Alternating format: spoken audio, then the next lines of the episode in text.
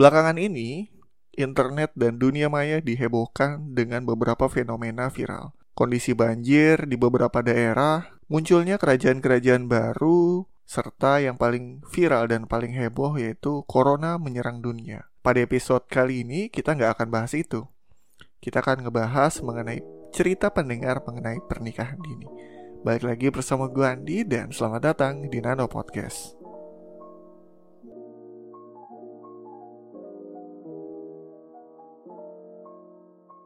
Cik, cik, cik, cik. Udah aktif ya? Oh iya udah aktif. Gue ucapkan selamat datang kembali kepada seluruh pendengar setia Nano Podcast. Beberapa minggu terakhir ini, seperti yang sudah gue bilang di awal tadi, kita diberitakan oleh pemberitaan viral mengenai bencana banjir di beberapa daerah Jabodetabek dan beberapa daerah di Indonesia lain. Kemudian pemberitaan mengenai munculnya kerajaan-kerajaan baru yang apa namanya tuh? Oh iya, kerajaan Sunda Empire yang ABCD deh kalau nggak salah. A-nya itu Amerika, B-nya British, C-nya itu Kanada, D-nya itu Bandung. Apa coba? Bandung itu kan depannya dari B dong, bukan ABCD tapi ABCB. Udah amat, bodo amat. Terus ada juga kerajaan Keraton Agung Sejagat. Kemudian yang terakhir, kalau nggak salah, baru ketangkap deh yang King of the King. Ah bodo amat lah gue peduli. Terus yang terakhir yang paling penting adalah pemberitaan mengenai penyebaran virus corona yang berasal dari Wuhan, Cina. Gua himbau kepada teman-teman pendengar untuk jaga selalu kesehatan kalian dan tetap semangat, jangan sampai kondisi kalian menjadi drop ataupun sakit. Sebenarnya pengen banget sih ngebahas mengenai pemberitaan-pemberitaan viral kayak tadi, tapi untuk episode kali ini kita akan ngebahas mengenai cerita pendengar mengenai pernikahan dini. Oh ya, sebelumnya gue akan samarkan nama dari pengirim. Gue beri nama untuk nama pengirimnya yaitu Rian. Oh, sama uh, mantannya yang bernama Farah. Gua cek dulu, oke. Okay. Assalamualaikum bang, ya waalaikumsalam. Nama gua Rian. Gua mau cerita tentang pengalaman yang pernah terjadi di hidup gua tentang pernikahan dini. Oke, okay, gua mulai banget dari pertama gua ketemu dia di SMK. Pertama kali gua ngeliat dia jujur waktu lagi MPLS atau lebih tepatnya waktu zaman SMK kelas 3. Jujur gue ngeliat dia dengan pandangan takjub. Wih, mantap. Dari sekian banyak siswi baru dan semua siswa, eh siswa, siswi-siswi kan yang cerita cowok di SMK gue. Cuma dia satu-satunya yang pakai cadar, jilbabnya lebar dan panjang, tertutup. Sifatnya yang lembut ngebuat gue salut sal dan suka sama dia. Gue sempet tuh tanya tanya siapa sih itu orang sampai gue cari di Facebook dan akhirnya ketemu. Namanya adalah Farah. Oh iya, by the way cerita yang gue sebutkan ini namanya sudah gue samarkan sebelumnya ya. Kemudian kita lanjut untuk baca ceritanya nih. Nah, udah ketemu tuh di Facebook dia, tapi gue gak berani ngechat dia duluan. Secara kan dari penampilannya dia udah alim banget tuh. Gak mungkin juga cowok sebrengsek gue tuh jadi teman ataupun lebih dari teman. Waktu itu gue mikir kayaknya gitu. Ada deh tiga bulan gue pendem perasaan gue. Cuma berani liatin dari jauh doang. Sampai akhirnya ada pentas seni perayaan ulang tahun di SMK gue. Waktu itu gue ngisi pentas band, dan pas di panggung, mata gue cuma ngarah ke dia doang. Dan dia juga begitu. Jadi salah tingkah dong. Sampai akhirnya setelah gue turun dari panggung, dia nyamperin gue dong sama temen ceweknya. Yang kebetulan temennya itu adalah temen satu eskul band juga dia ngenalin gua sama dia. Di situ kita mulai dekat, mulai suka ngobrol bareng, gitaran bareng, dan satu bulan kemudian dia ngomong gini ke gua, jangan kelamaan kak, nanti keburu diambil orang. Otomatis kaget dong gua. Cewek kayak dia masih ngasih lampu hijau atau harapan, waktu itu gue mikir, gua nyatain perasaannya ke dia atau enggak ya. Akhirnya gue mutusin untuk menyatakan cinta, nyatain perasaan gua ke dia. Waktu itu inget banget gue pas acara stand up comedy di kota gue. Gue ajak dia nonton dong dan gak pakai pikir lama gue nyatain perasaan gue ke dia. Waktu di jalan menuju stand up comedy. Dan ternyata gue diterima. Hari itu kita resmi pacaran. Pas semester 2 dia keluar dari sekolah karena nggak bisa bayar SPP terus tunggak karena keterbatasan ekonomi. Dari sinilah satu persatu permasalahan terjadi di hubungan gue sama dia. Di saat dia udah gak sekolah lagi, tiba-tiba dia dilamar dong sama cowok lain yang siap jadi suaminya. Ngedengar hal itu, gue sakit hati dong, tapi gue serahin aja ke dia. Terserah mau tetap sama gue atau nikah sama yang lain. Dan dia milih gue. Tapi sejak saat itu, dia terus neken ke gue untuk nikahin dia. Dia gak mau lama-lama pacaran. Diomongin ke keluarganya terus loh. Nah, dari situ gue sempat ngebuat keputusan tanpa pikir panjang. Gue janji sama dia kalau setelah lulus sekolah, gue langsung cari kerja dan langsung nikahin dia. Walaupun seadanya, dia sepakat. Bulan Mei gue lulus dan saat itu gue langsung kerja. Sebulan gue kerja, gue langsung nikahin dia. Oke, gue tahu ini terdengar bodoh. Sangat bodoh banget. Tapi gue sama dia udah sepakat karena dia ngebet banget untuk nikah. Jadi kita cuma nikah sirih. Iya, nikah sirih. Nikah yang hanya berdasarkan norma agama, bukan ke KUA. Wajar aja karena waktu itu umur dia masih 16 tahun. Gila, 16 tahun. Sebelumnya gue review dulu ya. Jadi Sirian ini ketemu sama Farah di SMK. Kemudian Sirian ini takjub kepada si Farah yang bisa dibilang kayak pandangan pertama gitu. Sampai akhirnya si Farah keluar dari sekolah dan gak bisa sekolah lagi karena keterbatasan ekonomi.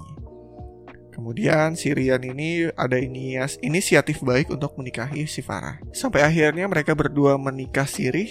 Uh, by the way, nikah sirih adalah nikah secara agama ya, bukan secara resmi di KUA karena umur si Farah masih 16 tahun. Pas akad nikah, kedua orang tuanya setuju. Semuanya menyertui, begitu juga abang, teteh, dan adiknya. Gua waktu itu pernah dengar tuh dari bapak gua Cobaan pernikahan itu adalah di tiga minggu pertama, tiga bulan pertama, enam bulan, satu tahun, kalau nggak salah. Gue agak lupa juga, intinya gitu. Nah sebenarnya kejadian di minggu pertama gue sama dia tuh masalah yang paling mendasar yaitu gue harus tinggal di mana. Gue maunya tinggal di tempat orang tuanya dia.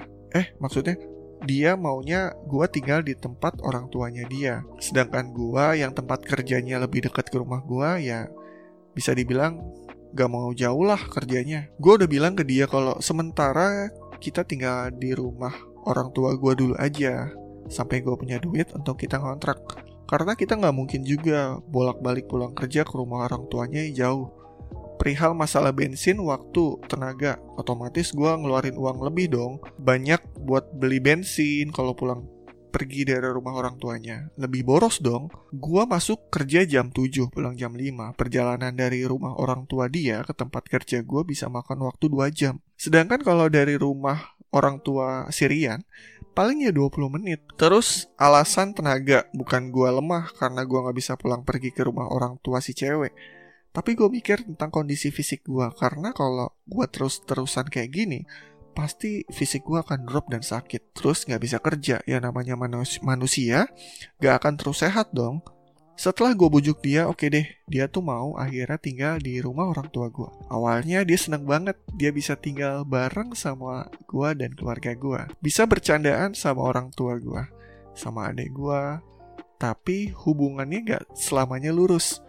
Kita sering ribut, gak jarang juga dia sering ributin masalah hal kecil. Gue gak ada masalah mengenai keributan selagi dia bisa jaga emosi dan bersikap dewasa.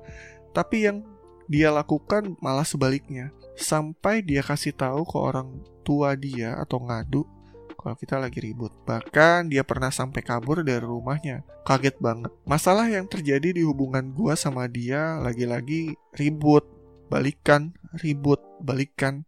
Secara baik-baik kok. Setelah kita kontrak bareng masih aja ada masalah. Gak dari dia doang, tapi sekarang dari keluarganya. Saat itu gue masih kerja di salah satu perusahaan yang gajinya itu gak nentu. Gue inget banget gaji gue cuma juta ratus dan udah ngitung kalau uang segitu tuh gak cukup buat bayar kontrakan dan makan yang harus seadanya. Tiba-tiba tetehnya ataupun saudaranya datang ke kontrakan kita dengan meminjam uang untuk makan dan berjanji akan mengembalikannya. Otomatis sebagai keluarga ataupun adik ipar gue kasih dong karena dia adalah salah satu saudara juga. Tapi pas dia mau pulang ternyata dia minta lebih dengan alasan untuk ngasih orang tuanya si Farah. Pada saat gue mikir, gue kalau gue kasih gue makan apa ya? Tapi si kakak ipar gue ini terkesan maksa. Akhirnya gue kasih aja dengan kepercayaan bahwa rezeki itu gak akan ke mana. Pada saat hari Jumat gue tagih ke teteh ipar gue. Bagaimana uang pinjaman kemarin? Tapi yang gue dapat apaan sih? Masa sama saudara sendiri aja pelit, kata kakak ipar gue. Lo paham gak sih waktu itu perasaan gue? Gue udah gak punya apa-apa, cuma ada beras doang. Makan cuma sama nasi, garam, masako. Lauk paling mewah yaitu gorengan. Gue nangis lihat kondisi kita waktu itu. Pulang kerja, gue lihat istri gue tidur. Pas dia bangun, gue tanya, udah makan? Dia jawab, udah. Gue tanya lagi, udah makan belum? Jangan bohong. Dan dia jawab belum sambil tersenyum. Di situ gue benar-benar ngerasa gagal jadi pemimpin jadi suami sampai akhirnya gue diberhentikan kerja karena ada pengangkatan karyawan di pabrik gue ataupun di tempat kerja gue karena di tempat kita itu tidak boleh satu keluarga di satu divisi dengan sangat kecewa gue disuruh pulang ke rumah orang tua gue bersama istri gue Gue pergilah cari kerjaan di luar kota dan alhamdulillah gue dapat kerjaan. Tapi cuma tiga bulan doang. Gue kerja di luar kota gue dikeluarin lagi karena gue kecelakaan kerja. Jari gue waktu sedang bekerja patah. Untungnya nggak sampai diamputasi. Ketika gue pulang ke rumah dengan kondisi itu, gue ceritain semuanya ke istri gue. Istri gue malah bilang, udah mah jarang pulang, kerjaan penghasilan dikit, sekarang dikeluarin, gagal total. Lo tau, gue jarang pulang karena jauh. 6 jam lamanya dari tempat kerja gue. Sampai ke rumah gue. Syukur-syukur, gue masih pulang seminggu sekali gue tahu penghasilan gue sedikit tapi apa harus gue dihina-hina kayak gitu? Dikeluarin juga bukan karena mau gue bahkan jari aja udah patah. Masa gue paksa kerja untuk siapa? Ya buat istri gue dan keluarga gue tetapi gue tetap sabar gue nganggap itu sebagai kesalahan gue yang masih belum bisa mendidik dia untuk menjadi istri yang terbaik. Di bulan puasa ataupun di bulan Ramadan, gue ngerasa adanya perubahan-perubahan sifat yang lebih dewasa yang terjadi di istri gue. Sebenarnya miris banget ya, gila. Di saat kalian sudah berusaha, di saat kalian sudah mencoba melakukan semua hal terbaik, tapi respon dari orang-orang tercinta ataupun orang terdekat kita malah seperti itu. gue juga nggak tahu, soalnya gue belum pernah ngalamin. Tapi dengar ceritanya ini sih sedih banget, sumpah. Kita lanjut ke cerita selanjutnya. Cerita ini kemudian dilanjutkan pada saat kita pulang ke rumah orang tua si Farah ataupun orang tua si cewek. Saat datang, gue selalu dicaci maki, bahkan diusir. Mamanya sempat bilang gini ke gue, ngapain kalian ke sini? Gak usah ke sini-sini. Kamu juga, Farah, gak pernah nengokin orang tuanya gak pernah ngirim uang. Lagi-lagi uang yang dibahas. Oke, kita memang jarang ke rumah karena sibuk pekerjaan gue dan gak ada ongkos buat ke sana. Dan yang lebih gue bingung masalah uang lah. Uang yang kemarin gue kasih ke kakak ipar gue ternyata gak dikasih ke mamanya Farah. Gue tetap gak nyerah demi hubungan yang lebih baik antara keluarga dan gue. Waktu siang hari bulan puasa teteh dia ataupun kakak ipar gue datang ke rumah gue dan nyuruh Farah untuk pulang ke rumah orang tuanya. Nyuruh dia cerai sama gue. Kalau dia nggak nurut, katanya orang tuanya akan selalu sakit-sakitan. Di saat itu gue lagi gak ada di rumah, gue langsung pergi kerja. Waktu itu tetehnya ataupun kakak ipar gue sudah diajak bicara baik-baik sama orang tua gue. Tapi dia malah ngotot mau bawa pulang.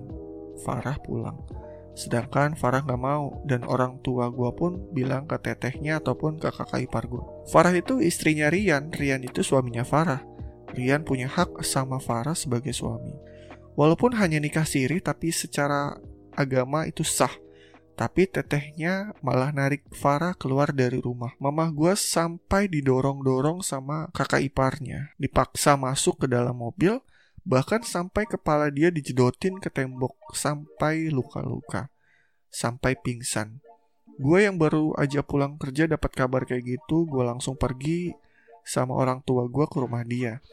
Tapi dia udah gak ada di situ. Begitu juga dengan keluarganya. Di situ gue bener-bener depresi seakan usaha gue yang udah gue lakuin selama ini sia-sia satu bulan lamanya gue cuma bisa berdoa sampai akhirnya gue dibawa ke tempat salah satu guru spiritual gue untuk nanya tentang semua hal yang terjadi. Pada saat gue datang tanpa gue ceritain, maksudnya si guru ini udah tahu kejadian kita berdua. Gue juga heran kok dia bisa tahu. Dan yang bikin gue kaget, beliau ngomong gini, Kamu sama Farah itu diguna-guna sama si kakak iparmu ataupun sama si tetehnya. Kamu dibuat jatuh cinta, begitu juga dengan Farah. Dan tetehnya pun punya ilmu, di mana dia harus membuat orang menderita untuk membuat dirinya senang dan kaya. Dan beliau juga bilang kalau ada tanduk di kepala gue yang dikirim dari tetehnya. gue gak tahu deh percaya gak percaya juga sih. Di situ gue percaya dan gak percaya. Emang sering banget sih dengar cerita kayak gitu, tapi gue cuekin dan gak terlalu percaya.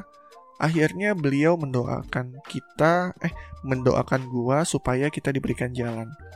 Jika Tuhan meridoi Farah menjadi istri kamu, Sejauh apa pun dia pasti akan kembali ke kamu. Tapi kalau memang Farah bukan jodoh kamu, kamu harus mengikhlaskan dia pergi. Uh, sebelumnya gue skip dulu untuk ceritanya. Gila, miris banget ya. Di saat lo udah berjuang, tapi mertua lo nggak meridoi ataupun nggak support gitu. Kenapa ya? Lagi-lagi masalah uang. Gue cukup miris juga sih denger ataupun ngebaca cerita ini. Kita lanjut. Sampai akhirnya gue harus menerima kenyataan pahit dan bener dong, satu minggu setelah kejadian, gue dapat pesan dari nomor yang gue nggak kenal. Dan itu adalah Farah. Dia bilang dia ada di luar kota dan lagi bersama tetehnya. Terus dia mau ketemu sama gue, ketemuan di tempat biasa waktu kita SMK dia membicarakan semua secara baik tentang bagaimana hubungan kita ke depannya. Setelah berbicara, berdebat, kita mengambil jalan keluar yang menurut kita itu yang terbaik. Kita memutuskan untuk berpisah. Akhir bulan Juni, gua dan keluarganya datang ke keluarga Farah. Kita berpisah secara sadar dan ikhlas. Kita nangis, senangis-nangisnya, saling memeluk, saling terima kasih dan minta maaf. Di saat itulah akhirnya gua ngerti arti tentang perpisahan dan arti tentang menghargai waktu dan kasih sayang. Setelah kejadian itu, lima bulan lamanya, atau sekitar bulan November kemarin, dia kembali ngabarin gua dan bilang kalau nanti di bulan April Farah mau menikah dengan pria yang lebih mapan dari gua, lebih dewasa dari gua dan lebih cukup untuk menghidupi kehidupan secara finansial. Katanya sih tetangga kampung dari temannya ya gue sih hanya bisa ikhlas doain semoga hubungan kalian lebih baik dibandingkan waktu bersama gue. Banyak pelajaran yang bisa kita petik dari pengalaman ini. Nikah muda itu gak semudah yang orang bicarakan. Tidak sesenang yang mereka kira. Gue lebih bisa menghargai pertemuan dan cinta. Gitu aja yang bisa gue ceritain. Maaf banget kalau panjang, terus banyak dramanya. Bahkan bisa terkesan lebay buat buat lo ataupun siapa pun yang baca ini ataupun mendengarkan ini jadikan kisah gua sebagai suatu pelajaran. Hargai orang yang sekarang masih ada di samping kita sebelum kita menyesal ketika dia sudah tidak bersama kita lagi. Sekian gua Rian dan wassalam. Waalaikumsalam. Dari cerita yang kita, dari cerita yang baru saja gue bacakan tentang pengalaman Sirian, agak sedikit miris banget ya. apa yang sudah kita perjuangkan selama ini, apa yang sudah kita bangun, tiba-tiba ada saja perusak hubungan. Bukan masalah egoisme ataupun hal-hal lain. Terkadang memang membina suatu hubungan itu akan lebih sulit pada saat kita sudah mulai serius dengan dia. Dari cerita tersebut kita bisa ambil pelajaran bahwa uh, yang sudah menikah aja belum tentu dia bertahan, apalagi ya bagi kalian nih yang masih bucin-bucin, yang masih galau-galau, yang masih ngambek-ngambekan. Ternyata hubungan itu nggak semudah yang kita jalanin, banyak banget proses dan halangan. Mungkin untuk di episode kali ini cukup sekian ya. Semoga cerita yang sudah gue bacain bisa diambil pesan moral dan hikmahnya. Balik lagi bersama gue Andi dan terima kasih telah mendengarkan Nano Podcast.